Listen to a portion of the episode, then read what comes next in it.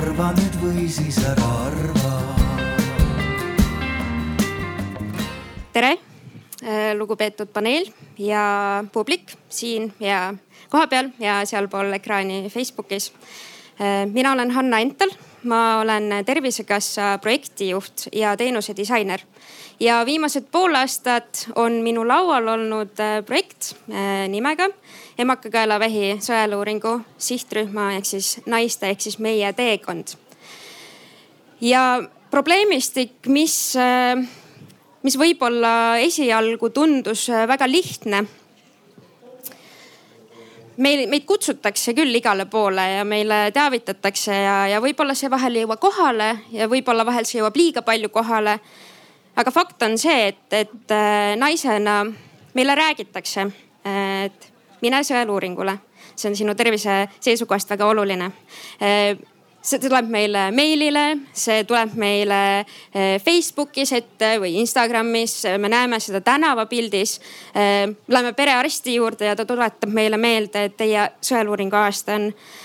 isegi apteeker tuletab meelde ja ka naistearst ütleb, et täna, täna on see võimalus seda sõeluuringut teha, kas teeme ja kui me mõtleme nõnda, et äh, tõepoolest see info on, see info tuleb, siis miks ikkagi naised sõeluuringule ei jõua?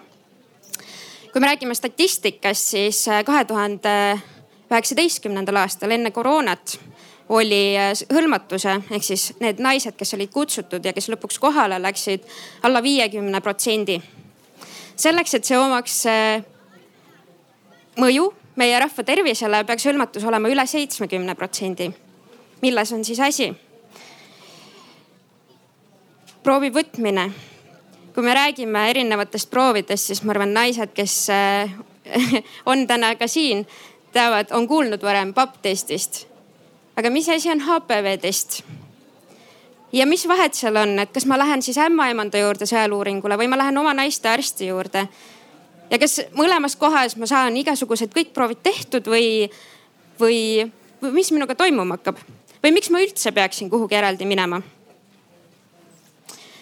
kui ma lõpuks siis jõuan sinna ruumi ja mul tehakse see test ära, siis äh, negatiivse äh, testi tulemuse puhul me praktikas saame vastused läbi digiloo. aga kui ma ei saa ikkagi aru, mida see negatiivne vastus siis minu jaoks tähendab. või kui HPV test on positiivne, siis helistab mulle äh, proovi võtnud äh, spetsialist ja räägib mulle täpselt ilusti kõik ära, mis minu, mis minu tulemused räägivad mulle, mis, äh, mis edasi saab ja kas ma pean minema tagasi, edasi aasta pärast, viie aasta pärast aga sellel hetkel, kui mulle öeldakse, et äh, minu proovi vastus on positiivne, siis tegelikult psühholoogiliselt ma ju hakkan mõtlema kõige hullemat. kas mul nüüd ongi vähk või äh, mis minuga nüüd edasi saama hakkab ja kõik see, kõik see informatsioon, mis äh, hea ja tubli tervishoiuteenuse osutaja mulle on edasi andnud, läheb ühest kõrvast sisse, teisest välja. ja kui ma lõpuks sinna digilukku jõuan ja vaatan siis neid tulemusi, siis mis ma oskan neist arvata, kui seal on äh, sellised äh, äh, lühendid nagu nilmaskus või L-sill või H-sill. ja see muudab murelikuks seega, mis ma tahan öelda, et tänase paneeli, paneeldiskussiooni fookus võiks olla rohkem sellele, et kuidas me saaksime naist toetada teekonnal emotsionaalselt rohkem kui see, et kuidas me naist püüame sellele sõeluuringule ja natuke avada rohkem seda vaadet, et äh, miks päriselt tegelikult äh, naised sõeluuringule ei jõua ja millised on need hoiakud seoses sellega. ja mul on hea meel, et äh, tänases siin kohapeal ja ma loodan, et ka läbi Facebooki on äh, nii palju naisi, kes tegelikult äh, kõik oskavad öelda äh, enda tundeid ja emotsioone sellel teemal ja ma loodan, et te jagate neid meiega. nii et teeme kõik koos sõeluuringu äh, teekonna paremaks. ja ma annan nüüd sõna paneelile, aitäh. ja tere tulemast Paidesse. Mul on väga hea meel teid tervitada siin Eestimaa pealinnas. ja enne kui me hakkame siin, tutvustan, kes siin istuvad ja kes mina olen, siis minu nimi on Katrin Klein, olen Tallinna Tervishoiu Kõrgkooli ämmaemanda õppekava õppejõud. Ja, ja juhin täna siin arutelu. Samamoodi äh, ma vaatan ka siis, äh, kui minule tuleb info, et keegi on ka meile on, online keskkonda kirjutanud, et siis me edastan selle küsimuse meie panelistidele. aga äh, natukene tänase teema võib-olla sissejuhatuseks võiks öelda, et ma terve selle nädala mõtlesin ja kogu aeg ütlesin, et ma tulen arengufestivalile, kõigile ütlesin arengufestival. Ja no midagi ei saa teha, no ei, täitsa vale sõna tuleb. ja, ja tegelikult, kui ma hakkasin selle peale mõtlema, et jah, meil on küll arvamused täna, aga, aga nende arvamuste põhjal, mida me tahame täna siit inimestelt, kes te olete siin füüsiliselt kohal, kui ka need, kes on meil seal Facebookis äh, kuskil pilve kaudu. et äh, tegelikult me tahaksimegi kokku panna selle inimeselt inimesele arvamuse ja sealt siis edasi liikuda et see võikski olla siis õige. ja ma arvan, et see festivali selline ütleme sünonüüm arengufestival ei ole ju üldse tegelikult paha mõte. aga siis kõigepealt veel edasi, et ma annaksin sõna siis meie panelistidele ja, ja minul on üks suur palve teile. võtke nüüd kaks minutit ja palun siit järjest tutvustage ennast nimetpidi, kes te olete, miks te olete täna siin ja kuidas teie olete siis selle teemaga äh, seotud mm? -hmm.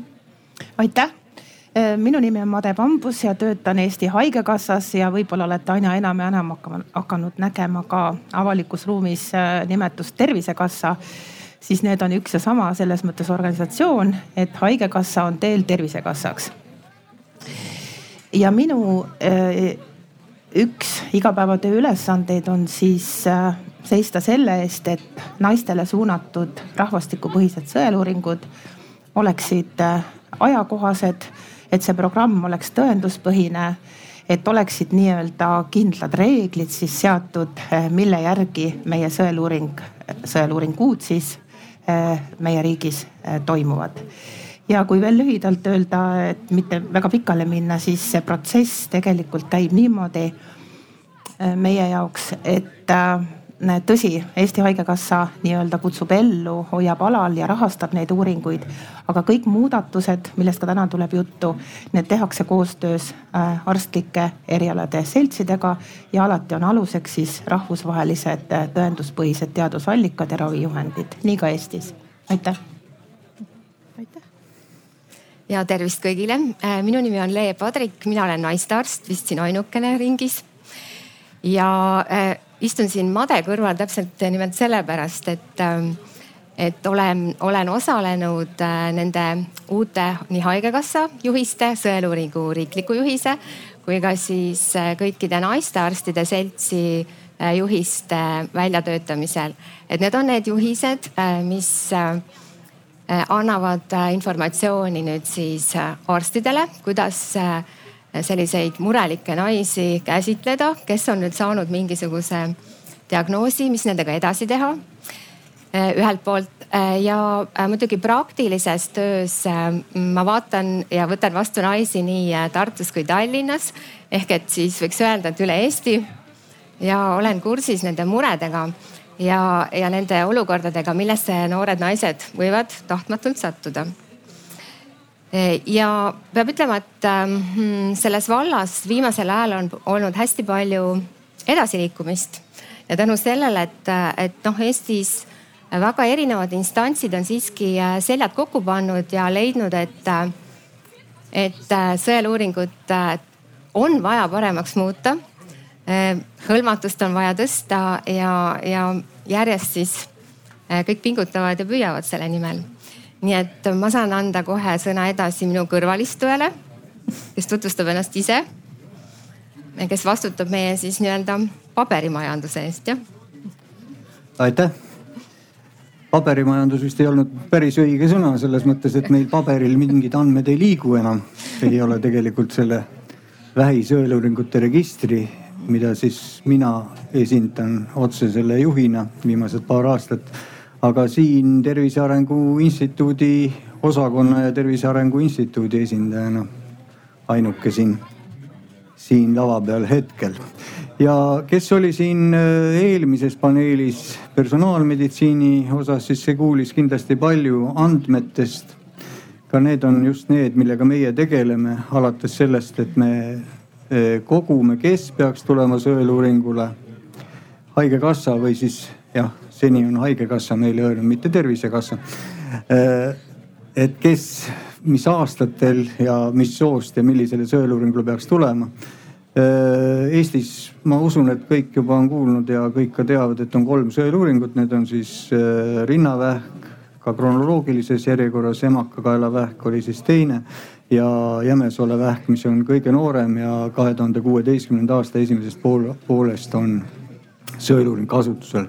kõiki nende andmeid me selle kogumise ja levitamisega tegeleme, meie äh, tulemused on ka kodulehel avaldatud ja seda võiks siis nimetada nii valuks kui vaevaks. siin on osa, hästi palju on tegemist tehniliste küsimustega, definitsioonidega, andmekaitsega ja kõige-kõigega, mis noh, meie, meie sellist tööd väga tegev või lihtsamaks ei tee.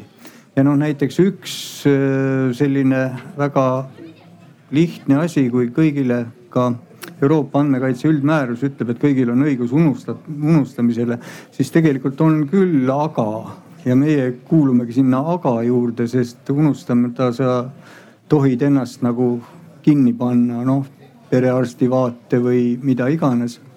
aga kui on seaduse alusel andmete töötlemine, siis need, neid andmeid ikkagi töödeldakse, kui Eestis inimene elab ja registri andmetel ta Eesti resident on.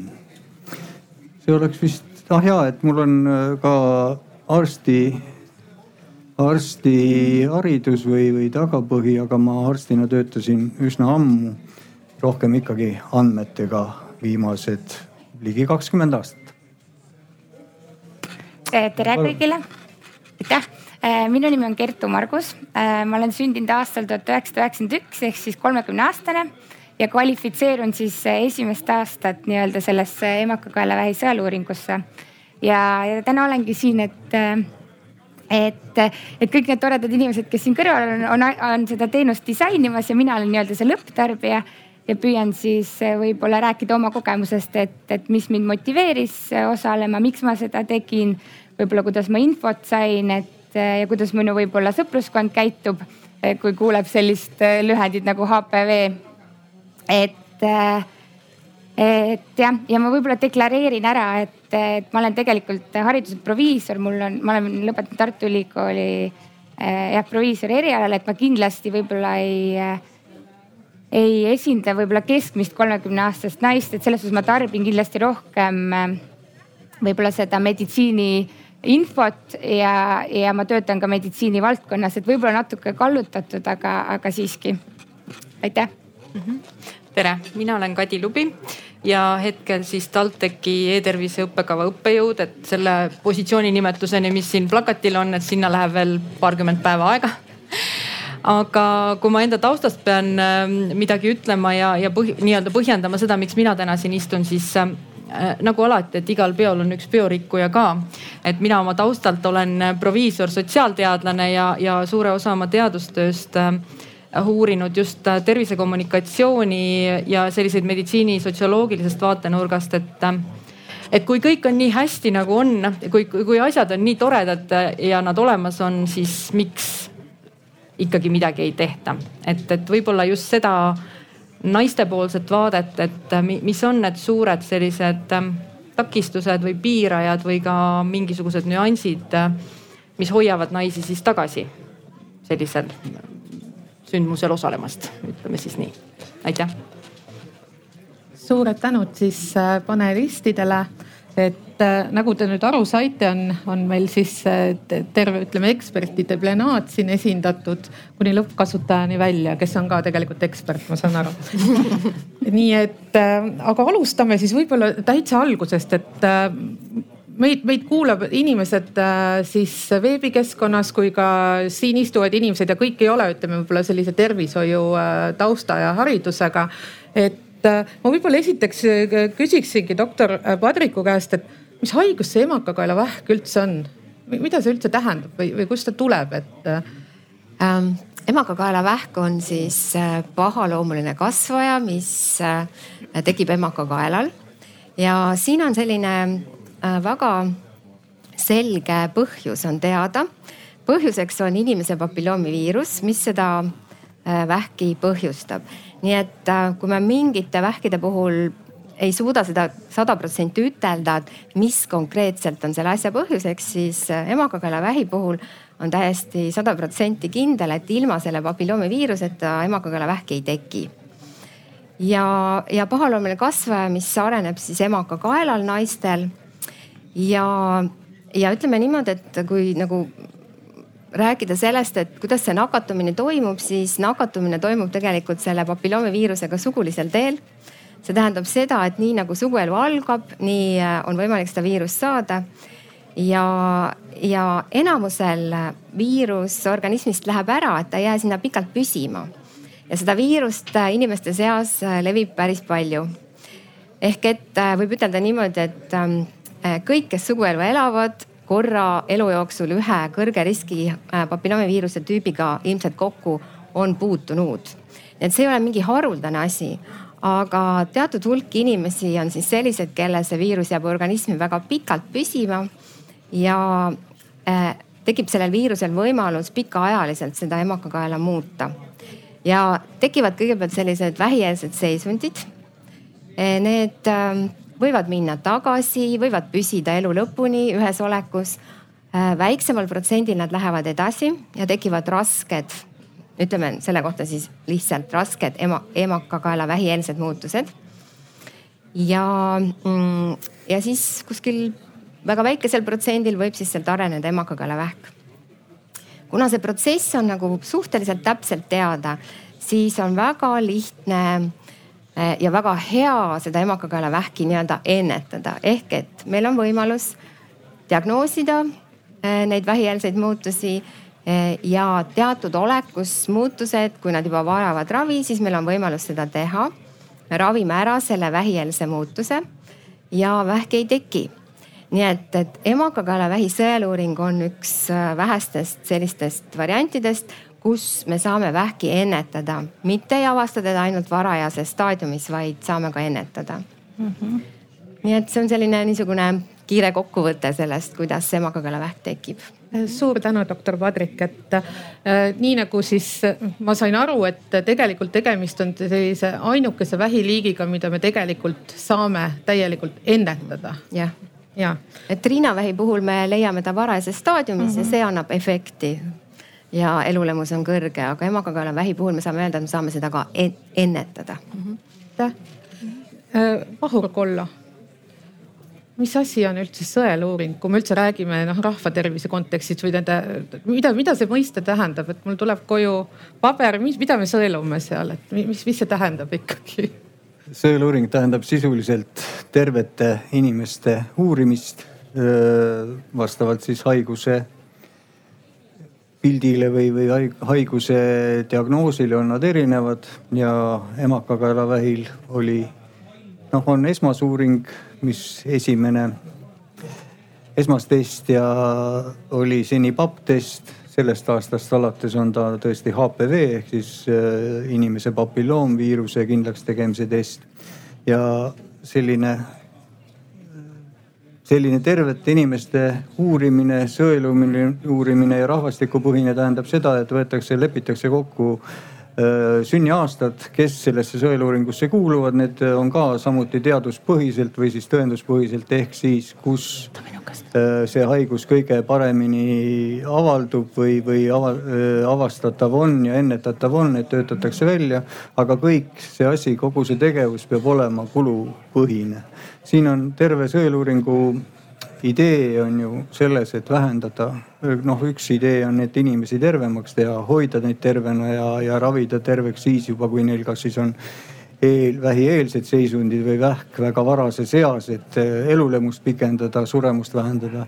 või eh, siis kogu rahva tervisel mõttes, et vähem kulutada tervishoiu kulu, eh, tervishoiule kuluvat raha. nii et need peavad olema kindlasti tasakaalus ja sõeluuringuid viiakse läbi just nendest kriteeriumitest lähtuvalt, ehk siis, et e-, esmane peab olema piisav rahvatervise probleem, et see haigus on levinud. siis peab olema kindel ja lihtne test, et seda kindlaks teha, millega seda uuritakse peavad olema edasised raviprotseduurid kättesaadavad ja inimene ise peab kõigi sellega nõus olema, nii et kõik sellised tingimused peavad olema täidetud, siis me saame sõeluuringut teha. ja kõik need on riigiti natukene erinevad. aga väike mõiste veel, et mis on teaduspõhisus või tõenduspõhisus, kui keegi äkki ei tea, siis kõige lihtsam on, noh mul enda jaoks on selgeks teha, et mis on tõenduspõhisus. kui me teeme mingit asja ja teeme järg, järgmine kord täpselt sama asja täpselt ting, samadel tingimustel, kuigi noh, võib-olla teises kohas natuke või teistele inimestele või, või ükskõik mida, siis me saame samasuguse tulemuse ja kõige selle jaoks, et seda kindlaks teha, et see ka nii tõepoolest toimub, on meil vaja andmeid koguda. nii et kogu see asi ongi sõeluuring minu jaoks lühidalt kokkuvõttes. aitäh äh,, aitäh selle vastuse eest. Made, Made Pambus, ma küsiksin nüüd sinu käest, et äh, kuidas meil see sõeluuring siis äh, aastal kaks tuhat kakskümmend üks on korraldatud ja, ja millised muudatused on siis sisse viidud võrreldes eelnevate aastatega mm? -hmm alates käesolevast aastast siis oleme muutnud just nimelt äh, täna jutuks olevat emakakaelavähi sõeluuringut. Äh, põhiliselt äh, kahes võtmes, esiteks on sihtrühm, me laiendasime seda tunduvalt.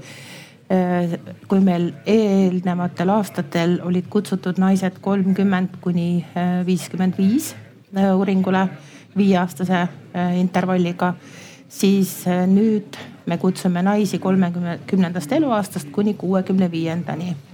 ma tahaksin natuke täiendada veel Vahuri juttu selles mõttes, et äh, muuta veel selgemaks äh, seda, et äh, miks on üldse või noh väga raske on rääkida eraldi või tähendab, minu jaoks mulle meeldib seostada seda, et, et kui me räägime tervishoiuteenusest või kui me räägime riigis organiseeritud sõeluuringust et äh, siis me võtame äh, riigi vaate ja tegelikult inimesena mu arust on ka nagu oluline seda mõista, et me räägime tegelikult isikupõhisest kasust ja me räägime rahvastikupõhisest äh, kasust. Et iga isik tegelikult, kes käib oma tervist kontrollimas kuskil, ta saab selle kasu või ütleme noh, ühesõnaga tervishoiutöötaja mm, või arst on ühesõnaga teda kontrollinud, et jääme täna ikka selle oma teema juurde emakakaelavähi suhtes aga me saame riigiti paremad näitajad siis, kui me oleme võtnud, äh, ühesõnaga see emakakaelavähi äh, screening kvalifitseerub sellise screening'u alla äh, mis on rahvusvaheliselt juba minu meelest viiekümne üheksandal aastal, tuhat üheksasada viiekümne üheksandal aastal WHO poolt kinnitatud, ehk see peab olema oluline rahvastiku tervise probleem see haigus, mida me screen ime tervete kaebusteta naiste hulgas, peab äh, olema varakult ravitav. Ja seal on ju rida noh, kümme, üksteist punkti tegelikult, millele see haigus peab vastama selleks, et võime mõelda äh, organiseeritud sõeluuringule. Ja mis on veel oluline teada ja mis peaks tõstma kõikide inimeste motivatsiooni ka sõeluuringul osaleda on see, et sõeluuringu teenusele on esitatud tugevdatud kvaliteedinõuded mida see tähendab? see on ikka sellepärast, et me uurime kaebusteta ennast tervena tundvaid naisi. ja kui me oleme tema ära uurinud, siis see tähendab seda, et me peame see personal, kes naisega tegeleb, peab olema teatud kvalifikatsioonile vastav. see uuringumeetod peab olema valideeritud, sest see test, mida me läbi viime, me tegelikult kingime naisele nüüd emakakaelavähi puht puhul viieks aastaks kindlustunde selles osas, et temaga on asi korras. et meil ei saa olla niimoodi, et, et, et meil see test veab alt või labor ei vastanud ja nii edasi, nii edasi. et see on see, mida ma tahangi öelda. et, et sõeluuringul tulekski osaleda regulaarselt, see, et ükskord käidi ja kunagi minnakse uuesti, et see ei ole see, me tahamegi seda, et seesama viis aastat praegu, mis on intervall, et seesama sihtgrupp, naised kolmkümmend kuni kuuskümmend viis, iga viie aasta tagant oleksid andnud HPV analüüsi. aitäh sulle, Mate, selle pika selgituse eest. Äh, Vahur, üldiselt äh, me täna teame, et äh, kutsutud naistest umbes pooled ainult osalevad. et äh, mis, mis, miks, mis, miks see nii on ja mis võib see nagu põhjus olla? Äh, päris nii see ei ole, tegelikult on kutsutud, tähendab sihtrühm on kõik sellel aastal sündinud naised.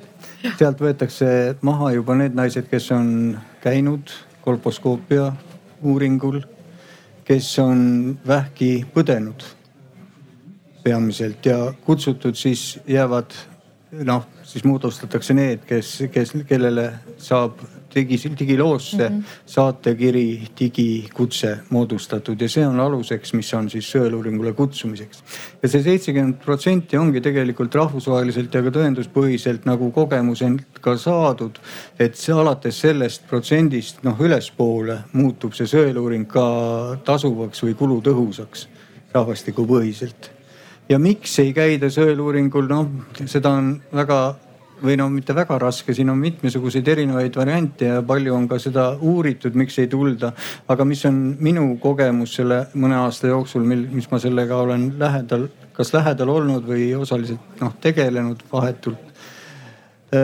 üks probleem on või üks põhjus on ka see, et sõeluuringu intervall on viis aastat. kui teistel on üle aasta, siis ma vaatasin natuke andmetele otsa, et kui inimesele üle aasta saadetakse kutse, siis nad ikka korra aastas on selle noh, meil on andmed viieteist, kahe tuhande viieteistkümnendast aastast ja ma sain neid asju võrrelda, mida varem, mis varem on toimunud, neid andmeid ei ole.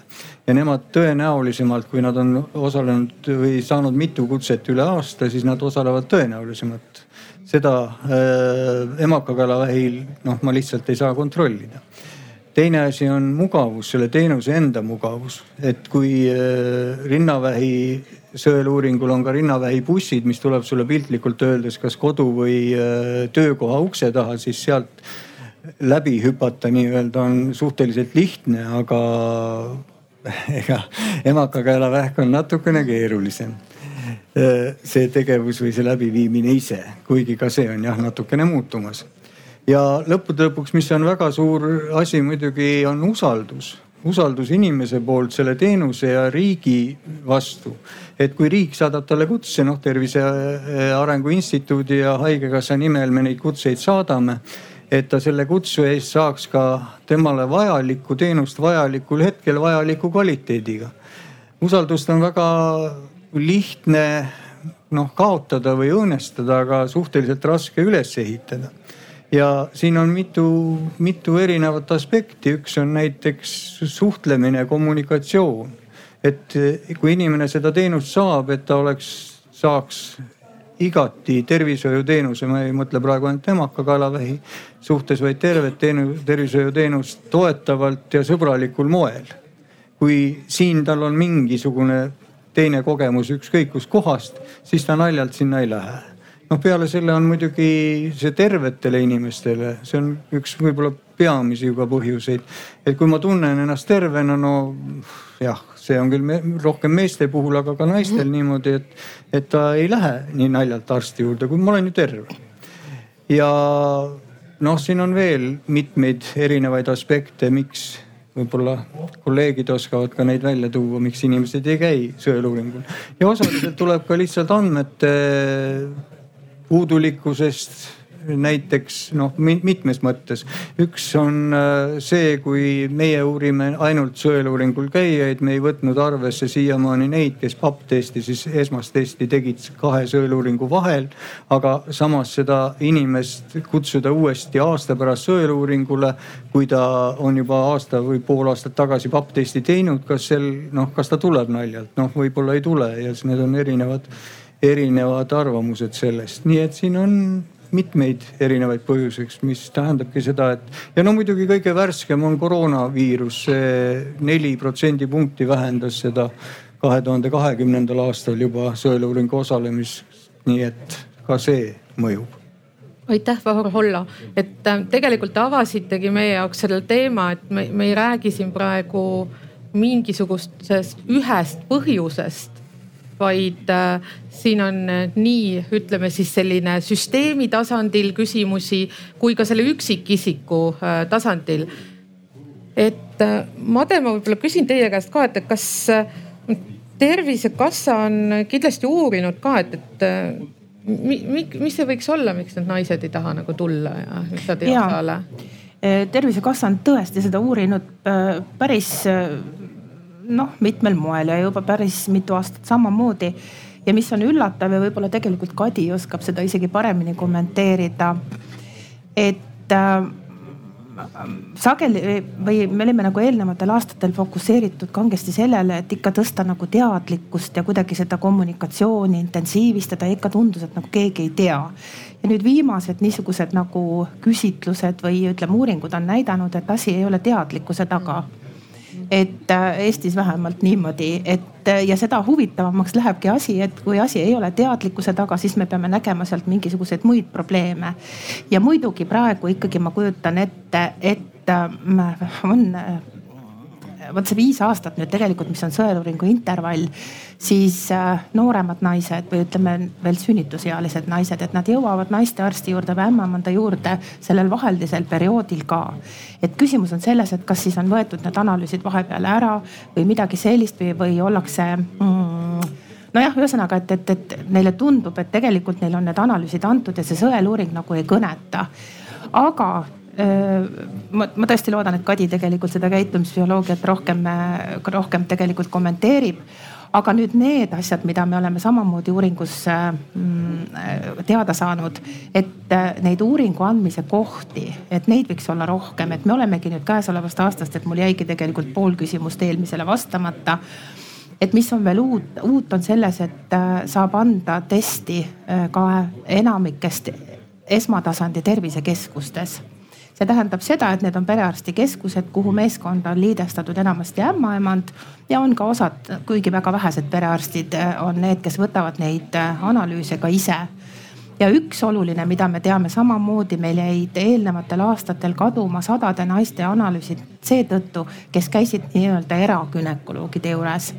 Et eh, nüüd me tahame ka seda muuta, et kui võib-olla gümnakoloogil ei ole nii-öelda haigekassa lepingut, siis ennetuse lepingu ehk sõeluuringu lepingu nad ikkagi saavad, nii et meil ei jää need analüüsid nii-öelda nagu õhku ja kaduma nii et, et vaata ühest küljest võib olla see pilt isegi natuke parem, kui sõeluuringu mm -hmm. statistikast otse välja paistab.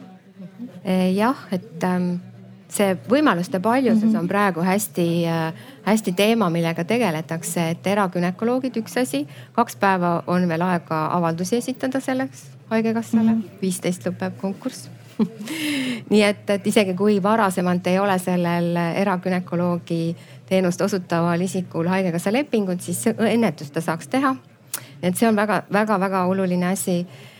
ja, ja, ja tervisekeskused samamoodi, et on asunud võtma tööle ämmaemandeid et siis kohe perearsti kõrvalkabinetis on see ämmaemand ja kui tuleb äh, naine, kes ei ole käinud sõeluuringus ja pole ammu teinud papp testi, siis perearst äh, paneb talle kohe selle aja sinna ämmaemanda juurde ja see naine ei lähe kaduma, ta ei lähe selle mõttega mm -hmm. koju, vaid ta organiseeritakse kohe ära sinnasamasse ämmaemanda vastuvõtule. et need on kaks sellist kindlasti väga positiivset nähtust, aga mm. -hmm. palun. ja, sest ma, ma kuulan, kuulan seda vestlust ja mõtlen, et noh, et, et kõik nii ongi, et, et ähm, mida, mida ju, mis ei ole mingisugune uudis ja mida on ähm, noh, selgelt ka näidatud, et tervisega seotud probleemid ei ole kunagi nagu sellised nagu, et meil on üks äh, lihtne probleem, millel on üks lihtne lahendus, võtame rohu sisse, et no okei okay,, antibiootikumi kuur võib-olla on selline asi, aga üldiselt need tervisega seotud Äh, käitumised, kui me eeldame, eriti kui me räägime ennetusest, sest noh, ma ei, ma ei taha seda laegast siin avada, aga mida võib-olla peaks mõtlema ka tõesti laiemal tasandil edasi, on seesama, et mida see ennetus üldse tähendab. ma olen ise rääkinud naistega, kes ütlevadki, et noh, ennetus küll, aga mida ma pean üldse ennetama, ma ei saa aru, mida see ennetamine tähendab, mida ma pean siis ennetama ja miks see on vajalik aga, aga siin need väga-väga paljud asjad, et tõesti neid mm, selliseid terviseprobleeme selles mõttes saab kõike seda, kogu seda probleemistikku üldse saab pidada selliseks niinimetatud nurjatud probleemiks, kus tõesti neid iga kihiga ühe otsast lahendame midagi ära ja siis viskab uuesti viis, viis järgmist probleemi esile ja, ja siin ka need uurimistööd ikkagi on näidanud, et, et tõesti neid probleeme ja põhjuseid on hästi palju ja siin juba eelkõnelejad on ära öelnud, et seesama, et esiteks ei saa inimene aru, et noh, mis see tähendab, et, et ilma sümptomiteta täiesti terve inimene. ja, ja miks ma tahan nagu seda võib-olla siin rõhutada, on seesama, et noh, see tundubki, et noh, see ongi ennetamine, et käin ja olen regulaarses kontrollis, aga, aga need probleemid, et, et ma tahaksin võib-olla lihtsalt mõtteaineks tuua nagu sisse selle, selle teema, et kui me räägime sellest, kuidas inimesed enda jaoks, kuidas neil tähendus üldse tekib mingi asja kohta. kuidas me hakkame mingist asjast aru saama ja kui me paneme selle näiteks tänasesse konteksti ja isegi ilma koroonata, enne koroonat, kui me kuulsime, et tervishoiuressurssi ei ole, raha on vähe, arste ei ole ja jumala eest, ärge EMO-sse minge, eriti kui teil midagi viga ei ole. ja siis järgmise ja, ja siis järgmine sõnum tuleb, et tulge ilma sümptomiteta mm. -hmm. ja, ja, ja siis inimese jaoks noh, ma ei, ma ei ütle, et see täiesti teadlikult see kuidagi see tähendus kujuneb, aga need asjad lähevad peas sassi mm -hmm. ja kuidagi jääb kõlama see, et ma olen hoopis tubli kodanik, ma ei tülita riiki ja tervishoiusüsteemi, ma saan ise hakkama. kui valutab, siis lähen ja, ja muide, see on nagu hästi sageli, et ma olen küll, küll rinnavähi sõeluuringu kontekstis äh, päris palju intervjuusid naistega teinud, kes, kes ei ole läinud ja, ja, ja, ja see on ka see põhjus, et noh, me siin võime ju arutada, eriti ma arvan, meditsiin, me kõik oleme meditsiinitaustaga siin laval istujad valdavalt ju või olemegi. Et, et võime ju arutada, et noh, mis, mis, mis mõttes, et kui, kui valutab, siis läheb, aga, aga kui ma olen ka hakanud nagu naiste käest küsinud, et et, et saad aru nagu, et, et kust, kust see mõte tuleb, et, et enne peab valutama hakkama. Ja siis hakkad nagu kaevama ja me jõuame ikkagi välja ju lapsepõlve, et ega see ütlus, et kõik me oleme pärit lapsepõlvest, ei ole ju tulnud kuskilt mujalt. ehk et ma tahan tegelikult jõuda sinna välja, et meil tekivad elu jooksul kujunevad välja mingisugused harjumused ja, ja ütleme nendel naistel, kes rinnavähi sõeluuringule ei jõudnud, nendel oli ka see, et noh, arst oli ikka see viimane ja, ja, ja tõesti enne veel, kui me selle arstiga üldse suhtlesime, meil olid juba, ma ei tea, viinasokid, kohalik versker ja kõik muud asjad ära proovitud ja no tõesti noh, nüüd on nii hull, et nüüd enam muud ei aita. ja kuidagi nagu inimeste see ja see ei ole üldse kuidagi selline väga teadlik või nagu, nagu pahatahtlik käitumine, et, et olen jube vastutustundetu, tahan olla vastutustundetu. ei taha, inimesed ei taha olla vastutustundetud.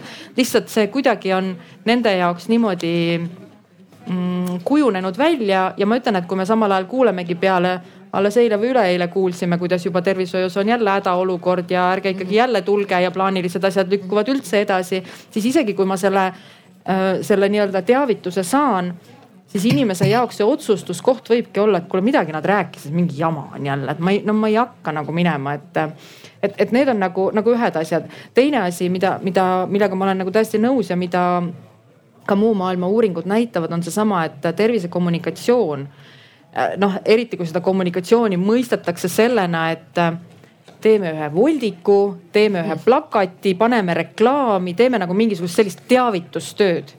et, et noh, see ei tööta et see ei tööta, see tähendab, see võib osaliselt töötada, aga see ei ole kindlasti ainuke lahendus ja ma saan aru, et, et vahel meil oleme, me põrkumegi selle taha, et kui meil on valik ja raske valik, raha on vähe, et noh, teeme siis midagigi aga noh, see selles laias plaanis ei tööta, et, et noh, kui ma ise nagu mõtlen, mis, mis, mis kuhu see suund peab olema, siis laiemas mõttes ja eriti kui ma panen selle harjumuste osa, siis see peabki sinna olema, et ongi normaalne käia oma tervist kontrollimas. sest äh, muu maailma uuringud, äh, küll sõeluuringute kohas on tegelikult näidanud just sõeluuringute osas, et iga järgmise sõeluuringuga tekib selline kumulatiivne efekt ehk et kui inimene on harjunud ühel sõeluuringul käima, siis ta suure tõenäosusega käib järgmistel ka. ehk et ikkagi me räägime sellisest nagu terviskäitumise harjumusest harjumusest midagi teha ilma ja, ja ka see harjumus ei ole väga teadvustatud, sest uuringud ja ma arvan ka Eestis näitavad, et kuigi see on sotsioloogia väga selline huvikoht ja seda, seda on ka neid loomulikult äh, uuringud, mis näitavad, et, et kõik need sotsiodemograafilised taustatunnused on olulised ja määravad, siis on ka väga palju uuringuid juba just sõeluuringute kontekstis, kus tegelikult on näidatud, et ega see kõrgema haridusega naine enam ei ole see, see kõrgharitud inimene ei ole ilmtingimata see, kes läheb ka kõrgharitute hulgas tekivad need ähm, sellised kahtlused, võib-olla isegi ollakse nagu valmis lugema rohkem teadusartikleid, ennast kuidagi teistmoodi kurssi viima. et siin ei ole enam automaatselt see seos, et noh, mis paratamatult viibki sinna välja, et tuleb harida küll, aga et kuskilt läheb see piir, et see ei, see ei pruugi enam nii tõhus üldsegi olla, see, see harimine või ilmtingimata viia selle nii-öelda meie poolt soovitud ja loomuliku käitumiseni. aitäh, Kadi et äh, ma võib-olla siit lähengi kohe edasi, ma küsin, meil lõppkasutaja nüüd kõike seda kuulanud. Äh, Kertu, et ähm, esimeste aastate kuulute vastavasse sihtrühma, olete uuringus osalenud, ma saan aru. ja, ja aga kuidas, kuidas see info sellest uuringust siis teieni jõudis ja, ja, ja kas te arvate, no kus, kus kohas te saite ja kas te, kas te nagu tänava peal ka näete kuskil või, või äh, kus, kus see info teieni jõudis üldse? Olete seda arutanud näiteks äh, oma lähedaste? ja, ja et äh, mina pean ütlema küll, et, et seda teavitust sealt digiloost mina ei saanud. et või seda saatekirja või seda kutset, et seda ma ei saanud aga kuna jällegi töö tõttu ma kolan palju haiglates, tervisekeskustes, siis minule jäi ikkagi selline voldik näppu, et öeldakse, ütlesid, et voldikud ei tööta, aga minul, minul see kätte jäi. see oli siis äh, lihtsalt kuidagi riivas silma ja, ja vaatasin, et okei okay,, et minu aasta ja siis pärast seda, kui ma olen seal nii-öelda sellesse, sellesse mulli sisse läinud, siis ma hakkasin igal pool märkama. siis ma märkasin, et Eva Esse teeb telereklaami ja kutsub mind osalema, just minuga räägib, eks ju siis ma panin tähele, et, et Haigekassa kodulehel oli, oli üleval see kutse kohe esilehel, kui ma sinna läksin. et justkui nagu öeldakse see eyes wide shut, et, et ma ei pannud seda tähele seniks, kuni ma olin korraks tähele pannud mm. -hmm. et, et minuga, minuga läks nii. ja, ja miks miks ma nagu otsustasin osaleda ikkagi on see, et esiteks see on kõigile tasuta ja, ja kui sul on nagu antud selline võimalus, et sa saad tasuta teha midagi nii, nii väikse vaevaga, midagi enda tervise heaks, siis no tõesti, mina otsustasin seda kasutada ja ma julgustan ka kõiki teisi. ja ma muidugi tegin kohe reklaami oma sõbrannade seas, kes on sama vanad, et, et kuulge, et kas te olete käinud ja minu meelest tegelikult võiks ka toimida see nii-öelda see, see võta sõber kaasa kampaania, et, et tõesti, sa võtadki oma oma vanused, oma parimad sõbrannad kaasa, vaatad, et nad on seal käinud ja või lähete koos ja toetate üksteist, et, et, et see minu meelest võiks täitsa toimida mm. -hmm. ja teine põhjus, miks ma, miks ma otsustasin osaleda, on see, et, et minul on ikkagi ka isiklik kogemus, mitte küll emakakaelavähiga, aga minu lähedane on, on rinnavähki põdenud ja, ja ma mõtlesingi, et, et kui on selline vähiliik, no jällegi mul on nagu teadmised võib-olla sellest haigusest ja sellest nagu olemas, ma tean, mis viirus seda tekitab, ma tean, mis siis juhtub, eks ju. aga see, et, et kui on nagu selline vähiliik, mida mul tõesti on võimalik, kas siis vaktsineerimisega ennetada ja kontrollimas käia, et siis, siis ma tõesti nagu tundsin, et ma pean seda, pean seda kasutama. et selline on jah nagu minu lugu Äh, ma võib-olla siis vahepeal ütleks ka, et me ootaksime publiku arvamust ka, et, äh, et kas, kas te näete neid kampaaniaid ja kas te olete osalenud ja, ja miks ei ole, et, et tõstke julgelt kätt, siis äh, hakkab meil mikrofon on ka kuskil hakkab siis seejärel liikuma. et saate püüda. keegi tahab? tere Äh, Katrin minu nimi ja olen ka vanusegrupis, kes peaks kogu aeg juba käima.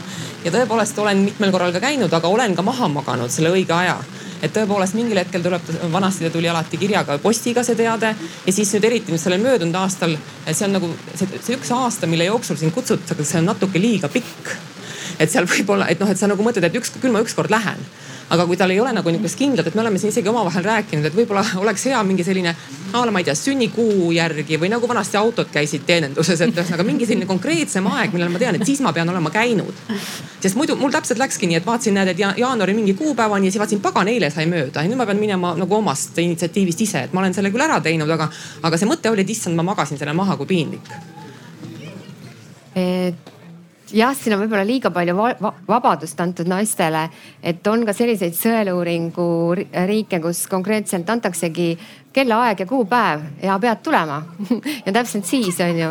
Soome muideks äh, lahendab asju niimoodi ja neil on väga kõrge hõlmatus. et selle peale noh, me oleme ka mõelnud, aga me ei ole seda rakendanud tõesti. et konkreetne kuupäev, kellaaeg ja mis siis saab, kui ma siis ei saa ja.. jah, jah. Mhm. iseenesest vaktsineerimisel on ju nii. Täpselt samamoodi võiks olla kõikidele nendele ämmaemadate vastuvõttudele digiregistratuuris link, lihtsalt kirjas link kaasas. mitte lihtsalt digiregistratuuri, vaid konkreetselt sellele teenusele. sa sellel kirjal lähed teenusele ja valid sealt koha, kus sa elad ja registreerid ennast ära, kõik tehtud. -hmm. jah, see on ka hea mõte. ma jah, ma, ma tahaks lihtsalt aga, aga praegu hetkel ei ole jah, digiregistratuuri kaudu ei saa registreerida sõeluuringule mm. -hmm. aga jah jah, võib-olla, võib-olla see ongi see, mida, mis, mis sageli ka nagu hoiab tagasi ja mitte ainult naisi, ma arvan, et üldse, üldse oma tervisekäitumises, et et kuidagi, kuidagi nagu tundub, et ei leita seda optimaalset arvu allikaid ja kohti, kus teha, et kui on üks, siis on natuke liiga vähe, kui on nagu juba mingi väga palju, siis on väga palju. aga minu meelest on üks õppetund, mida me võiksime siit võtta, et kui Katrin, sa tõid selle, selle digi või tõite selle digi, digimõtte ka siin välja, et ma ei tea, ma, ma ütlen, ma olen bioriikuja, aga minu meelest andis meile seesama koroona vaks, vaktsineerimine praegu hea, hea näite, aga ta andis ka hea näite sellega, et äh, võib-olla me hindame oma inimeste digivõimekust üle. et me tahtsime ja niipea, kui hakkasid liikuma bussid, lähen kohal, ma võin kasvõi kaks tundi seal järjekorras seista, aga kui ma pean minema digilukku, siis võibki olla, et äkki ma pole sinna kunagi nagu sisse loginud. ma tahaks oponeerida, meedikumi turundusjuht olen, tegelikult ei ole, tegelikult ei ole kellelgi ülevaadet, palju on inimesi bussides vaktsineeritud mm. -hmm. meie alustasime kevadel vaktsiin, ma näitena mm. -hmm. meie alustasime vaktsineerimist mm, -hmm. massvaktsineerimist oma majas, seitsekümmend pluss mm -hmm. inimesed. me vaktsineerisime üle tuhande inimese päevas mm -hmm. ja meil ei olnud mingit probleemi. ma kaks päeva rääkisin inimestega, need olid seitsekümmend pluss inimesed. Nad kõik kas registreerisid ise või registreerisid nende lapsed neid, mitte digiregistratuuris, meedikumi registratuuris, kus ei pidanud sisse logima. Nad panid oma isikukoodi, nime ja kõik andmed ja nad said äh, registreeritud. Neil ei olnud vaja seda mingisugust kaarti, noh, selles mõttes neil ei olnud vaja autentimist, nad lihtsalt registreerisid mm -hmm. ennast ära ja meil oli, meil oli tuhande inimese peale kümme, mitte ilmunud mm. -hmm. Nendest noh, kaks päeva järjest me vaktsineerisime ja kui me helistasime, siis viis nendest olid a la haigeks jäänud ja viis tõesti ajas segamini. Tuhandest inimestest viis ei tulnud kohale. tegelikult on see protsent väga-väga kõrge ja nad saavad hakkama. mina ei arvaks, et nad ei saa hakkama. ei, ma, ma, ma olen sellega nõus, aga te tõite ise siia sellesama võtmesõna, et kui võtmeks on digi äh, autentimine mm. -hmm kui see on lihtsalt kuskil, et panen jah, siis aidatakse ja, ja saavad ja eriti ja, aga saavad need, kes tahavad, on ju. et kui me räägime siin nagu sellest barjäärist ka on ju, et, et kui ma veel ei ole nagu valmis üldse otsustama seda asja, aga lihtsalt, et, et ma, ma lihtsalt ise jälgisin huviga neid ütleme Aktuaalses Kaameras ja kus nad küsitlesid inimesi ja, ja sealt minule jäid lihtsalt kõrva need põhjused väga palju, kus öeldi seda, et ah nii mugav on, et ma tulen lihtsalt siia kohale, teen muu seas ära. ja ma saan aru, et me räägime muidugi olemuslikult täiesti teistsugusest protseduurist aga, aga tegelikult äh, nagu minu meelest Vahur ka enne mainis, et tõesti, mis on näiteks rinnavähi puhul äh, selline nagu oluline täiendus, et see buss sõidab mööda Eestit, on ju, et ta tuleb mu kodukohta. sest äh, ja mida ma olen naistega rääkides, mis on nagu väga üllatuslik ja võib-olla mõtlemisaineks selline paradoksaalne olukord, kus tegelikult see naine, kes elab või töötab Tallinnas ja lähiümbruses, temal võib olla oluliselt raskem sinna sõeluuringule minna kui sellel, kes elab seal väikses kohas, kus kõik on käe-jala juures, kõik korraldatakse ära. et, et need on selline jah, paradoksaalne olukord, et, et võib-olla, et elan Mustamäel, arst on ka Mustamäel, töötan Lasnamäel ja see päeva logistika sättimine võib olla oluliselt komplitseeritum kui, kui siis, kui see buss mul sõidab sinna ma ei tea, Maxima ette, mingi muu kaubanduskeskuse ette või on ta seal ka kaubanduskeskuses, nii nagu tegelikult ju meil need era äh,, erapraksised on ju tegelikult juba on rahva lähedal nii-öelda et siin vahepeal läks väga vahvaks aruteluks ilma mikrita. Ei ma ei jõudnud nii kiiresti anda, juba võeti sõna. Mm. -hmm. aga Anneli Tank ja samamoodi nagu Kertu on, olen ka mina üks neid naisi, kes sel aastal on esimest korda selles uuringus ja väga vahva oli sinu lugu kuulata, et kuidas te sõbrannadega rääkisite. Meie sõbrannadega samamoodi aasta algusest peale oleme sellel teemal kokku siis kuue sama vana naisega, kelle sünniaasta on üheksakümmend üks oleme sellel teemal rääkinud ja, ja väga-väga erinevaid mõtteid on olnud, et täpselt sama nagu siit teie mainisite, on, mis puudutab igasuguseid kanaleid, kuidas teavitust võiks teha. sellest võib pikalt rääkida, aga mu mõte, miks ma seda palli palusin, oli see, et tegelikult see pani mõtlema kõiki meid et äh, aeg on nüüd pärast väga vahvaid kahekümnendaid ja, ja teismelisi aastaid, et meist üks on lapsevanem, teised veel ei ole, elavad vallalise elu, et mõelda natukene rohkem oma tervise peale, mitte ainult siis, mis puudutab emakakaelavähi teemasid aga üleüldiselt oma vaimset tervist, oma füüsilist tervist ja, ja ma julgen öelda, et seesama kutse ja sellest tekkinud arutelu meie tutvusringkonnas tekitas olukorra, kus meist väga mitu inimest tegi väga suuri muudatusi oma elus. ilmselt see on sellel mõju ka sellel koroonapandeemial, mis meid ümbritseb, aga, aga sellised äh, väikesed asjad nagu sinu sünniaasta mõne plakati peal võivad panna inimesi mm -hmm tegema hoopis, hoopis mingeid muid et, arvan, muudatusi. aitäh, annan edasi, ma ei tea nüüd kuhu poole. Ma, ma lihtsalt tahan vahele, vahele kommenteerida, et muide selline nii-öelda kogukonna tervishoiuteenus on meil tõesti nagu teenus jutumärkides, sellepärast et, et noh, kui vaadata nagu, mis mujal maailmas ka toimub ja ma arvan, et see on ka asi, mida me ei peaks jääma isegi ainult nagu emakakaelavähi või ütleme selliste väga konkreetsete teemade raames. aga, aga ütleme ka kroonilised haigused, kui meil on vananev ühiskond, eks ole, kui me ikkagi liigume sinnapoole, kus järjest rohkem ähm, noh, ikkagi inimestel on üks, teine või kolmas häda ja, ja samal ajal on nagu kõik inimesed tahavad elada oma kodus ja, ja nii palju, kui ma olen ka rääkinud erinevate krooniliste haiguste patsientidega, ükskõik kui raske see haigus neil on, kõik tahavad elada nii nagu vanasti. et nagu muuta ei tahaks suurt midagi, siis, siis minu meelest siin sellises kogukonnapõhises toetuses nii-öelda kogukonna tervishoius minu, minu definitsiooni kohaselt, ma ei taha seda kuidagi siduda süsteemiga üldisemalt. aga ma näen siin seda potentsiaali, mis, mis, mis tuleks võib-olla kuskil kuklas võtta ja mis tegelikult me ju näeme, et erinevate äh, patsiendiorganisatsioonide ja kõige selle puhul ju tegelikult kroonilistes haigustes, ka vähi puhul tegelikult on ju need patsiendid ise, et kui siin, kui siin enne minu meelest mul jäi see just kõrvu, kui minu meelest äh, Kertu, Kertu nagu just, just äh, ütles seda, et et kuidagi või, või ütles Katrin seda siin suhteliselt alguses, et kõik on eksperdid koos. et siis tegelikult on ju meditsiinisotsioloogias täiesti ametlikult selline termin nagu ekspertpatsient on ju täiesti olemas. ja need eksperdid ongi ju need, kes tegelikult toetavad ja, ja, ja ma ei räägi siin sellest, et meil on doktor Google või keegi teine, kes nagu ütleb, et mulle arst kirjutas seda ja võt, hakka sa seda võtma.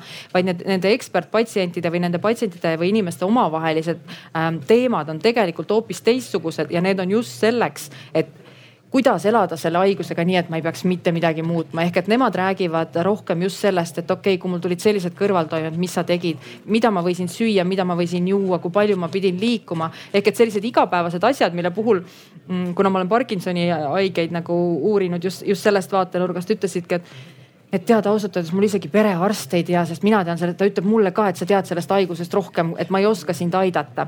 et, et vot just selline omavaheline ja, ja kogukonnas ja võib-olla see on see uus kampaania et kuidas teha sellest selline kogukonnapõhine tegevus. rohkem ekspert-patsient ühesõnaga jah, ma ei tahaks sellest sõnast patsient kinni jääda, sest noh, patsiente, ma arvan, kõik on nõus, me seostame ikkagi nagu haigusega. aga et, et just sellist jah võib-olla see kogukond ongi nagu see sõna, sest kui me näeme ju muudes valdkondades, kuidas see kogukond on hakanud tööle ja täiesti teistsugustes võetakse ette ju, ma ei tea, noh, minnakse kuni kuhu iganes välja ja see kogukond ju toimib, toetab ja, ja, ja muudetaksegi reaalselt asju, siis võib-olla see on asi, mida me nagu tervishoius ei ole veel noh, me pole mõelnud võib-olla selle peale, et kuidas seda rakendada.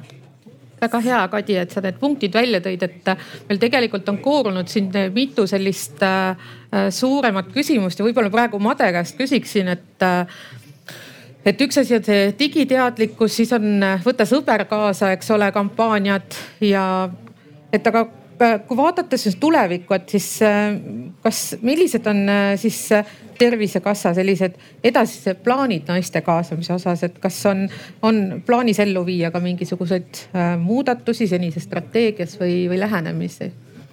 No see praegune strateegia uus tegelikult ju hakkas alles käesoleval aastal pihta esimesest jaanuarist, et me katsume nüüd selle nii-öelda implementeerida eh, sujuvalt süsteemi ja me näeme ise küll, et tegelikult äh, tervishoiutöötajate, siis arstide, ämmaemandate, ütleme niisugune mm, kaasamine, selle arusaama sisse süstimine, et tegelikult, et, et see on olnud ka omaette töö. et see info ja arusaam äh, on kõigil nagu ühesugune, sellepärast et see on ju see info tegelikult, mida nad oma patsientidele välja annavad, oma kodudes, samamoodi oma sõpruskonnas välja annavad. et Eesti probleem on olnud, äh, mis te, meie arvates, kui me hakkasime nüüd seda uut sõeluuringut siis nii-öelda siin noh tuunima või, või paremaks tegema üks selge probleem oli ka see, et, et meil oli äh, tervishoiutöötajate mm, arvamused olid erinevad.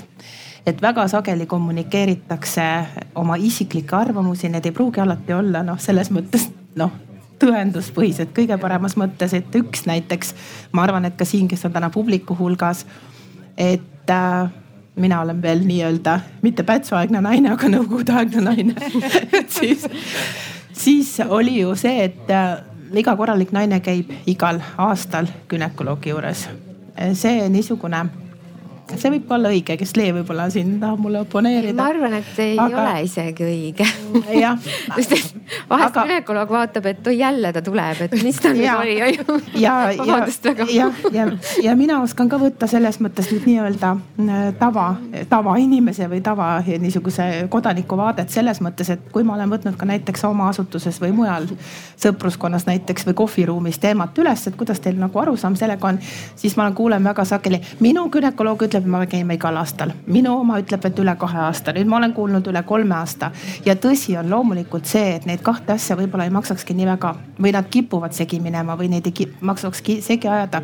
et see viis aastat sõeluuringu vahel on tõepoolest päris pikk aeg ja naistel sageli ongi asja günekoloogi juurde vahepealsel ajal ka, et see on ju täiesti normaalne ja meil ei ole ainult põhjus nüüd, issand, üks kärbes et, et, et sealt natukene see segadus ka, mida ma üritasin siin eespool ka rääkida, et vaata, et kellelgi on analüüs juba mingil ajal mingil põhjusel ära võetud ja vot siis see sõeluuringu kutse teda nagu ei kõneta. ja nüüd minnes tagasi, Katrin küsis, et kas strateegiat muuta mm, noh, me ikkagi tahaksime, et, et meil see hõlmatus tõuseks just nimelt sõeluuringuga. ja need meetmed, mida me oleme teinud, tegelikult peaksid seda idee poolest ka toetama.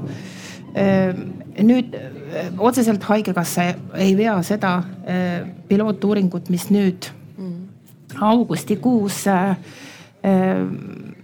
käivitub, augusti lõpus. uus on see, et meil seavad need naised kes käesoleval aastal olid nii-öelda sõeluuringu kutsealused sihtrühma naised, kes nüüd meile teadaolevalt ei ole käinud äh, veel siiamaani, me oleme jõudnud juba ju teise poolaastasse sellest aastast sõeluuringul. Nad saavad kodutestimise, kodutesti yeah. ja, ja võib-olla Lee tahab seda rohkem kommenteerida, et seal on ka tegelikult rida tõenduspõhiseid põhjuseid, miks me seda katsetame ja. ka Eestis. ja me saame seda katsetada sellepärast, et kuna nüüd esmastestiks on see niinimetatud papilloomiviiruse test ja eh, tegelikult eh, pole vahet olulist, eh, kas selle testi võtab teilt naistearst, ämmaemand või see naine teeb selle testi ise kodus. et samasugused tulemused tulevad nii ise võetud testile kui ka siis äh, tervishoiutöötaja poolt võetud testile. ja see nüüd avardab selle sõeluuringu selles plaanis, et papp-testi ei saa keegi kodus ise võtta, see vastus ei tule õige. aga HPV testiga me saame seda sõeluda niimoodi. nüüd ongi need naised, kes mingil põhjusel ei tule siis naistearsti juurde. no ükskõik mis põhjusel, siis ähm, saaksid näiteks selle testi postiga koju, saadaksid selle testi tagasi kui nad saavad negatiivse vastuse, siis on muidugi väga tore, siis nad rohkem ei pea tulema. nüüd vot, kui nad saavad positiivse vastuse, siis nad ikkagi peavad ennast kokku võtma ja kohale tulema. nii et, et noh, et, et need peaksid olema selleks valmis ja teatud riigid juba on selle kodutestimise võtnud kasutusele, nii et, et meil on eeskujusid olemas ja selles suhtes on ka kaitstud üks magistritöö nüüd kevadel Äh, mis näitas, et Eesti naised aktsepteeriksid sellist lähenemist ja kaks varianti, et kas siis test saata koju või siis ta saab ise seda testi tellida. siis tegelikult see hõlmatus äh, siis, kui test koju saadeti, oli kõrgem kui siis, kui ta pidi seda ise tellima. aga siin on veel palju selliseid arenguruumi, et et ähm, noh, ma vaatan jälle perearstide poole, no ma tean, et perearstidel on kohustusi kohutavalt palju, ma parem noh üldse ei vaata sinnapoole, vaatan teisele poole. aga ma tahan öelda seda, et kõige paremini selline kodutestimine mõjub veel siis, kui vot perearst teeb sahtli lahti, võtab selle kodutesti välja ja ütleb, et vot siin on sulle see väga ilus roosa asi, palun võta sellega test ja siis on kõige kõrgem, apteeker võib ka seda teha jah, et noh, et see tõstab hõlmatuse veel eriti hästi kõrgele, uuringud näitavad maailmas seda mm. -hmm aitäh ja kui me räägime nüüd võib-olla hõlmatusest, et äh, Vahur Holov, meie lõppkasutaja eelnevalt ütles, tema ei saanud üldse kutset ja mul on muidugi. Võib, võib-olla polegi siin probleem üldse selles, et äh, keegi ei taha naistearsti juurde minna, see protseduur ei ole kõige meeldivam. Aga kui kutsetki ei saa mul on muidugi väga piinlik, et ta ei saanud, aga tegelikult on siin mitmeid objektiivseid põhjuseid. ja see inimene, kes minu kolleeg, kes siin, kes tegelikult neid kutseid saadab, kes on täna sel aastal saatnud juba seitsekümmend neli tuhat kutset. meie siis sööleõhutuse sihtrühm on Kai ta istub seal prillidega. ja need kutsed me saadame sellise süsteemiga, et kõigepealt saadame kõigile e-kutsed noh, me küsime rahvastikuregistrist ja eesti.ee-st, kas on olemas temal emaili aadressi ja saadame emailiga koju. ja neid tihti ei saada, sellepärast et näiteks on äh, Tervise Arengu Instituudi poolt saadetud äh, kutse on, läheb automaatselt spämmi. me ei tea täpselt, kui suur see on, aga see osa, osa on selliseid. Äh, siis ei ole see email enam, enam kehtiv või on lausa vigane ja noh, siis ka ei lähe. noh, nendega on natukene lihtsam, me näeme, et see ei ole kohale läinud. me saadame posti teel kutse. posti teel kutset, kutsetega on omaette probleem. kõige markantsem näide on, mis on tagasi tulnud sellepärast, et oli koer nii et äh, see, et postkasti ei ole, see on tavaline ja neid tagasitulemusi, noh, neid ei ole muidugi väga palju, neid on aastas umbes kolm tuhat või midagi niisugust, kes kätte ei saa. aga Kertu, millal sa käisid äh, sõeluuringul mm,? juunis jah, siis oleks võinud teoreetiliselt selle kutse juba meie poolt saada. Äh, sest meie saadame kutsed välja esimese poolaasta jooksul, õigemini küll esimese viie kuu jooksul ja need on juhuslikustamise äh, teel saadud nimekirjad. nii et äh, viiendikule ühes kuus alates jaanuari teisest poolest me hakkame neid välja saatma nii et väga raske on öelda, me pärast võime vaadata, miks sina kutset kätte ei saanud, võib-olla me saame teada, võib-olla ka mitte no ma püüdsin ise ka uurida, aga, aga ega ma tegelikult lõpuni ja. aru ei saanud, et kui ma login sinna sisse, siis ma seda saatekirja näen, aga ja, miks ma nii-öelda tahaks ikka, et riik kutsuks mind ja paluks, eks ju ja, aga digivõimekust jah, kindlasti me peame arendama, digiregistratuur selles mõttes ei toimi. ja nii nagu doktor Padrik ütles, et võib-olla on naistel liiga palju võimalusi, liiga palju vabadust. et tõepoolest see nimekiri on ikka väga pikk, kuhu inimene võib ise registreerida sinna pärast seda kutset aga palun siis. jah, ja meil on publikust küsimus jah. ma sain aru, et te saadate ühe korra aastas kutse. ei, ei saada. mitu kutset saab, mina, minu, mina olen näiteks saanud kutse, kuigi mul oli tehtud juba noh, ma ei tea, kolm-neli aastat tagasi mm -hmm. kõik asjad olid juba korras ja ma saan, noh, ma ikkagi saan neid kutseid aga.... teoreetiliselt no. mul ei ole seda kutset vaja. oot, oot, oot, oot, oot, kuidas ei ole nüüd vaja? Kui... no selles mõttes, et kui ma käin regulaarselt arsti juures ja ma teen kogu aeg seda testi ja ma ikkagi saan kutse, siis minul tekib küsimus, et teil on seal midagi segamini. Mm.. et, et ma saan, noh tegelikult ma saan topelt asju ja samas me näeme, et on keegi, kes ei saanud. ja noh, ma tahtsin selle mõtteni jõuda, et tegelikult müügi, müü-, noh müügiinimesed ju selleks, et mingisugust asja saavutada, noh miinimumkorduste arv on seitse korda et ja. kui sa ei saa seitset kutset aastas, siis tõenäosus, noh seitse korda seda kutset, siis tõenäosus, et sa tuled, on ikkagi väga-väga väike ja selles suhtes jälle mea culpa, me oleme süüdi küll, ega me nüüd seitset välja ei saada, me saadame välja neile, kes meie teada käinud ei ole, korduskutset teisel poolaastal. aga praktiliselt algab see augustist ja kohe-kohe järgmisel nädalal on see aeg, millal korduskutsed välja saadetama hakkad või saatma hakkame mm. -hmm. ja noh, kaks kuni kolm kutset me tavaliselt inimestele saadame seitset me ei, seni teinud ei ole ja meil ei ole praegu ka plaanis. Aga ma tahtsin öelda seda, et tegelikult äh, kui naised nüüd mõtlevad rahulikult järgi, siis nende elus on hästi äh, olulised sündmused, alati nulli ja viiega lõppevad aastad. Suured sünnipäevad, nii palun väga, juubelid, seesama, jätke meelde, juubeliaastal on minu sõeluuringu aasta. Käite juuksuris, lähete ka sõeluuringusse, teete kosmeetika juures, lähete sõeluuringusse, teete ennast ilusaks, teil on suur pidu. kas teil on sõeluuringus käidud, ei ole käidud, lähete. Ja nii ongi ja meil on publikust küsimus, jah. ja, äh, ja võib ise ka minna ilma kutset ootamata, ma tahtsin öelda, see oli see mõte mm. -hmm ma pigem ei ole küsimus, vaid nagu rohkem kommentaar. et, et tegelikult äh, alates sellest aastast on võimalik inimestel kutseid saada ka apteegist. nii et üheksakümmend viis protsenti äh, inimestest käib aastas vähemalt korra apteegis. ja, ja kui see inimene on siis selles äh, aastakäigus, millal sõeluuringud on, siis apteeker annab talle ka selle kutse. kui ta on juba käinud, siis ta korduskutset ei saa. kui ta ei ole käinud või ei palu seda tühistada, siis ta saab kahe kuu pärast jälle uuesti, kui ta apteeki läheb, meeldetuletuseks, et ta võiks minna aitäh teile et siis seitse korda tuleb ära jah. jah, aga võib-olla, võib-olla meil, meil hakkab vaikselt aeg otsa saama ka, et ma tahaksin äh, sellist lahendust, et me ühelt poolt räägime, et meil on täiskasvanud, täiskasvanud peavad ise oma tervisekäitumise eest võtma vastutust, eks ole. Sa jälgid oma kehakaalu, äh, ei suitseta ja ei äh, tarbid alkoholi minimaalselt.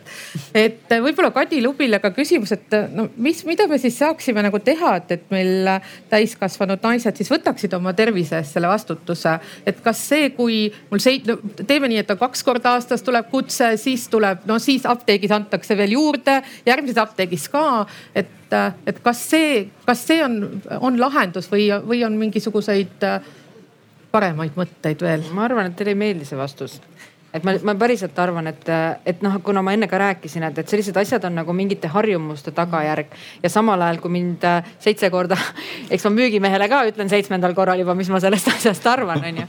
et, äh, et noh, et kes, kes on mingil põhjusel otsustanud ja kes ei ole selle seitsme korraga või ka kahe korraga ikkagi leidnud, et ta peaks sinna minema või ta tahaks minna, siis on väga raske midagi teha. aga kui me räägime nagu tuleviku perspektiivist ja, ja rõhudes sellele ikkagi sellele mm, ma tahtsin öelda. jah, käitumisele just sellele, et, et see on mingi omandatud ka harjumus. et siis, siis ma leian, et mida me peaks nagu ülikiiresti tegema hakkama, on, on hakkama õpetama neid tüdrukuid täna ja mitte ainult tüdrukuid, ka poisse, et, et noh, et on, et mis see tähendab ja, ja, ja ma ja mitte ainult selle vähi kontekstis, vaid, vaid nagu ma enne ka mainisin, see on see vananeva ühiskonna probleem üleüldisem. et, et kui inimene on harjunud regulaarselt ja ta saabki sellest aru, sest täna Äh, täna me oleme jõudnud sellesse olukorda, et, et nii nagu, nii nagu mujal lääneriikides on, on meil see selline, et noh, ongi isiklik vastutus, igaüks ise teab ja selline nagu mõnes mõttes selline demokraatia ka tervises ja selline vabameelsus ja samal ajal lükkame seda vastutust inimesele. aga mulle endale tundub, et ütleme nende ühiskonnakordade muutumise ajal oli meie jaoks see üleminek hästi järsk ja, ja ma ei taha öelda, et see on nagu Soome kõrge hõlmatuse taga, sest Soomes tõesti on kõrge nii emakakaelavähi kui ka tegelikult rinnavähil on veel kõrgem. see, aga inimesed on kuidagi seda õppinud, on ju, et nemad on jõudnud põlvkondade vältel sinna, et see ongi normaalne terviskäitumine ja, ja, ja noh võib, võib-olla see on asi lihtsalt tõesti, nagu ma enne ka ütlesin, et kui me ikkagi päevast päeva, mitte et ma ütleks, et ma ei taha meediat kinni keerata, nagu siin mõnes riigis on, on juhtumas, et, et aga, et, et kui ma ikkagi päevast päeva kuulen ka neid kriitilisi selliseid uudiseid just sellelt pinnalt, et palun ära mine ära kurna meie süsteemi, siis lihtsalt paratamatult see, see, see tähendus, mis tekib inimeselt, et tema jaoks see vastutustunne tähendabki seda, et ma jätsin süsteemi praegu rahule, mhm. sest mul ju ei ole häda ja, ja, ja, ja noh, need asjad nagu lähevad ja, ja kui seda ei toeta see varasem, kui varasem harjumus on ka see, et mine ainult siis nagu enam tõesti teisiti ei saa ja kui enam valu ei kannata ja ükski paratsetamool ära ei võta.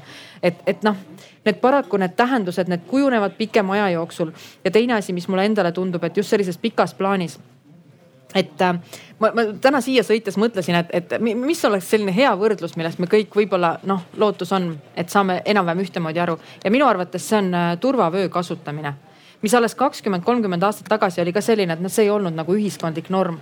et mulle tundub, et me peame hakkama vot ka terviskäitumises laiemalt seda ühiskondlikku sotsiaalset normi muutma ja, ja, ja vaatama võib-olla tõesti, et mida on teinud siis maanteeamet on ju järjest, et kõigepealt hakkame see, et juht peab panema turvavöö, siis peab kaasreisija panema, nüüd me oleme jõudnud tahaistmele, turvatoolid nagunii, me ei saa enam sünnitusmajastki välja selle beebiga, kui turvatooli ei kaasas saa, ei ole. beebit ei anta kätte. beebit just, kätte antakse, aga autosse ei lubata istuda. ühesõnaga, et siin on täpselt seesama, et me tegelikult peaksime rääkima ja me ilmselt peame arvestama, et, et see on natuke pika vinnaga protsess ja see eeldab, et meil nagu tõesti selline mingit mõttes selline sotsiaalne sotsiaalne norm terviskäitumise osas hakkab nagu muutuma. aga noh, lühiajalised, ega meil muud ei olegi üle, et, et seitse kutset ja igast võimalikust kanalist ja, ja võib-olla mingisuguseid käepärasemaid digikanaleid veel juurde arvestades, arvestades, et me räägime põlvkonnast, kes on ka kolmkümmend on ju, kes on ikkagi juba selline nutiinimene, kes võib-olla ei taha enam veebilehel midagi teha, vaid tahaks äpis midagi teha. et, et lihtsalt see, see võimaluste selline mitmekesisus peab olema, et igaüks leiaks selle. pluss siis, mida ma enne mainisin, mida ma leian ja mulle tundub, et siin, kes kogemusi on jaganud, see nii-öelda kogukonnapõhine, et võib-olla peaks seda rohkem siis kuidagimoodi hakkama oma kampaaniates ära kasutama, ütleks ma siis niimoodi mm,. aga see ei ole alati ka selline põlvkondadele omane käitumine, näiteks Soome on praegu hädas sellega, et neil vastupidi, vanemad naised tulevad paremini sisse harjunumalt ja tek, neil on tekkinud probleem hoopiski nooremate naiste mm -hmm. hõlmatusega mm. -hmm. nii et, et noh, võib-olla me mõtleme, et ähm, äkki siis ähm, see, see on Kertu ja... põlvkond on väga tubli, hakkab käima, aga siis noh, need kuuekümne aastased, need on juba noh. see on, nagu, see, on nagu väga õige märkus, ma mõtlen, ma täna lihtsalt huvi pärast vaatasin enne siia tulekut need, need Soome numbrid üle ja tõesti, seal on see kakskümmend viis kuni kakskümmend üheksa on see, mis on nagu kõige madalama hõlmatusega. aga no ma ütlen, et, et eks, eks see ongi mõnes mõttes selline, ma ei tea, ma ei taha nagu lootuses muljet jätta, aga see on natukene nagu selline demokraatia võlu ja valu, et kui me anname ikkagi inimesele ise vastutuse, kui ta ja, ja otsustusõiguse, et noh, kui me ei taha teda ka nagu kättpidi tirida ja öelda, et nüüd sa pead tulema ja mulle tundub, et me oma ühiskonnas oleme sinna jõudnud, et me ei taha seda ikkagi teha, et me tahame, et see inimene ise tuleb, et, et jah, et, et eks siin on ma arvan, et me ei mõtle seda ka selle järele jäänud minutitega välja, et, et siin, siin ilmselt tuleb nagu paralleelselt, nagu ma ütlesin ka alguses, et see on selline nõiutud probleem, et ega me ühte lahendust, ühte head toimivat lahendust nagunii ei, ei lepi ei täna ega homme ega ka poole aasta jooksul kokku mm. -hmm. jah, suured tänud äh, Kati Lubi, et ma arvan, meil seda arutelu jätkub siin äh, väga kauaks, aga meil on publikust äh, oli ka küsimus ma tahtsin nagu suunata nagu tulevikku sellise mõtte, et praegu äh, võib-olla ka Tervisekassale just nagu küsimusena, et äh, me praegu räägime nagu ühest haigusest, eks ole, emakakaelavähist.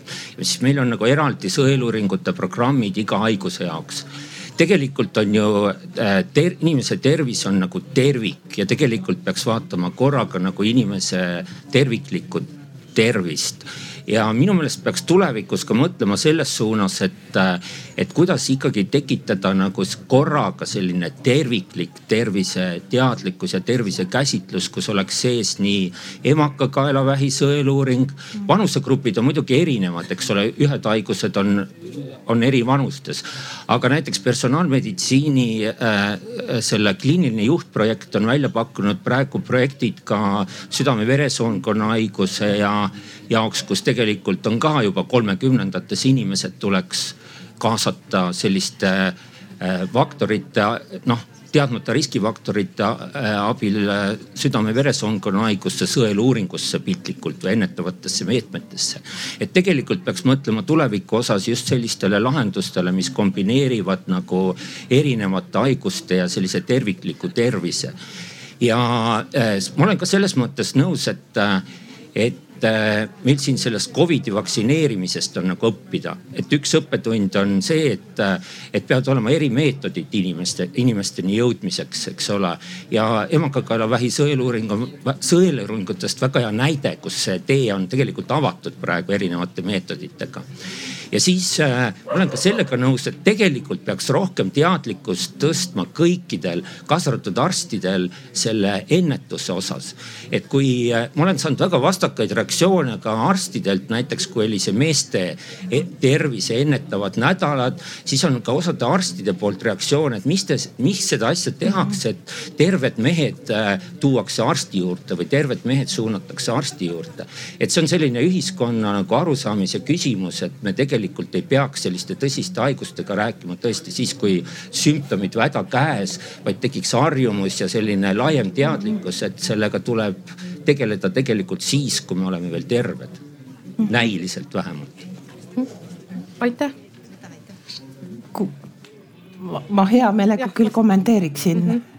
Padriku kommentaari, et ja, ja äh, täiesti nõus, et personaalmeditsiin on kahtlemata äh, ka meie vaates see, et on tulnud, et tõenäoliselt jääda ja areneda.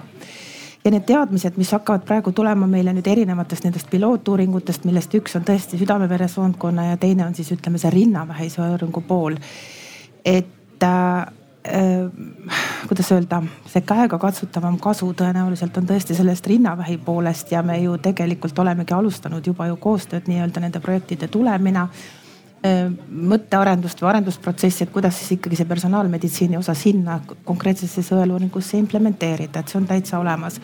aga ma ei tahaks minna pikale veel, ma tahaksin kommenteerida siiski seda ka, et äh, Tervisekassa on võtnud niisuguse laiema vaate ja, ja siinkohal on äh, võib-olla paslik mainida ka seda, et äh, me oleme teinud mitu katset ja viimane katse on praegu see, et, et meil on valmimas Tartu Ülikoolis uus tervisetehnoloogia raport just nimelt täiskasvanute tervisekontroll, ennetavate tervisekontrollide teemal.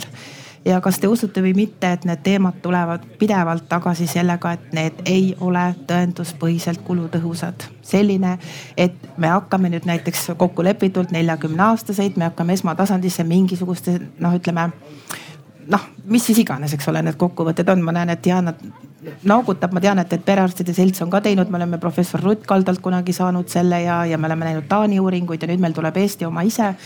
et sellisel kujul mitte, aga ma tahaksin väga olla nõus sellega, mida te ka nimetasite, et see ei takista, et me võiksime niisuguse nagu kompleksse või paketi suhtes kokku leppida riigis, et, et kas need on nüüd need sõeluuringud, sinna liidestada midagi veel? Ja, ja, ja natukene nagu jah, nagu komplekssemalt sellele vaatama hakata, et sellega ma olen nõus jah. jah. päeva läbi. et äh, aitäh teile osalemise eest ja, ja Hanna Entalile siis annan veel viimaseks kokkuvõtteks sõnad, mis siis olid need äh, projekti, projekti tulemused? aitäh. niisiis äh, ma arvan, et äh.... aitäh teile, et tulite ja.... aitab jah aitäh. aitäh. selge see, et ega tundi kõike teha.